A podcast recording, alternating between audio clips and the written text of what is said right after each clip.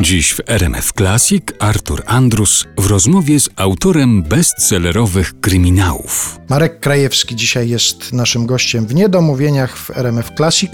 Wspomniał Pan o tempie, w jakim Pan pisze książki, czyli dwie książki rocznie.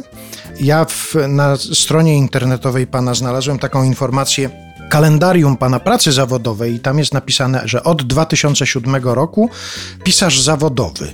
Pisarz staje się zawodowy wtedy, kiedy to się staje jego jedynym źródłem utrzymania. Można taką zasadę przyjąć, czy właśnie na przykład w związku z tempem pracy, kiedy się staje zawodowym pisarzem? Ta pierwsza definicja jest właściwa. Wtedy, kiedy żyje z pisania po prostu, kiedy mhm. jego źródłem utrzymania jest pisanie. Tutaj możemy oczywiście wprowadzić wiele takich subtelnych dystynkcji. Są pisarze, którzy żyją tylko i wyłącznie z pisania pisania swoich powieści czy książek. Ja y, mam szczęście być do takich, mogę być do takich zaliczony, a są pisarze, którzy oprócz książek no, piszą felietony, piszą różne rzeczy do różnych mediów, też żyją z pisania.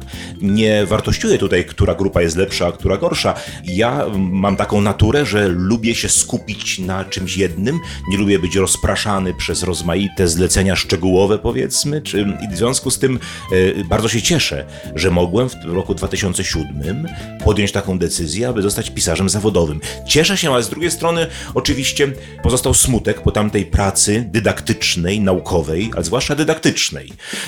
Bardzo lubiłem zajęcia ze studentami, mimo że nauczałem dość hermetycznych zagadnień, mimo że wiłem o na przykład konfliktach łacińskich morfemów i fonemów. No to, to bardzo ważna sprawa. Wykładałem gramatykę łacińską, gramatykę opisową i gramatykę historyczną, językoznawstwo porównawcze.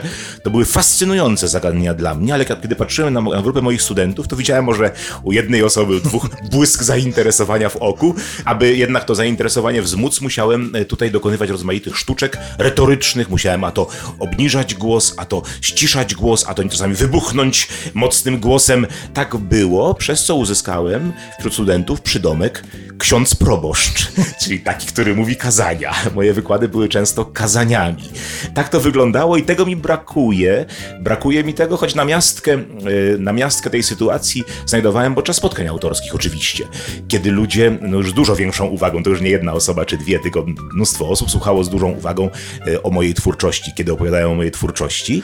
Niestety to się skończyło no, wraz z pandemią. Spotkania autorskie są tym, czego mi najbardziej brakuje, ale no ponieważ w tych dniach już się kończą te silne obostrzenia, więc patrzę z nadzieją w przyszłość i już się cieszę na kolejne spotkanie, które będę miał chyba w czerwcu w Gostyniu, gdzie jest organizowany festiwal retrokryminału.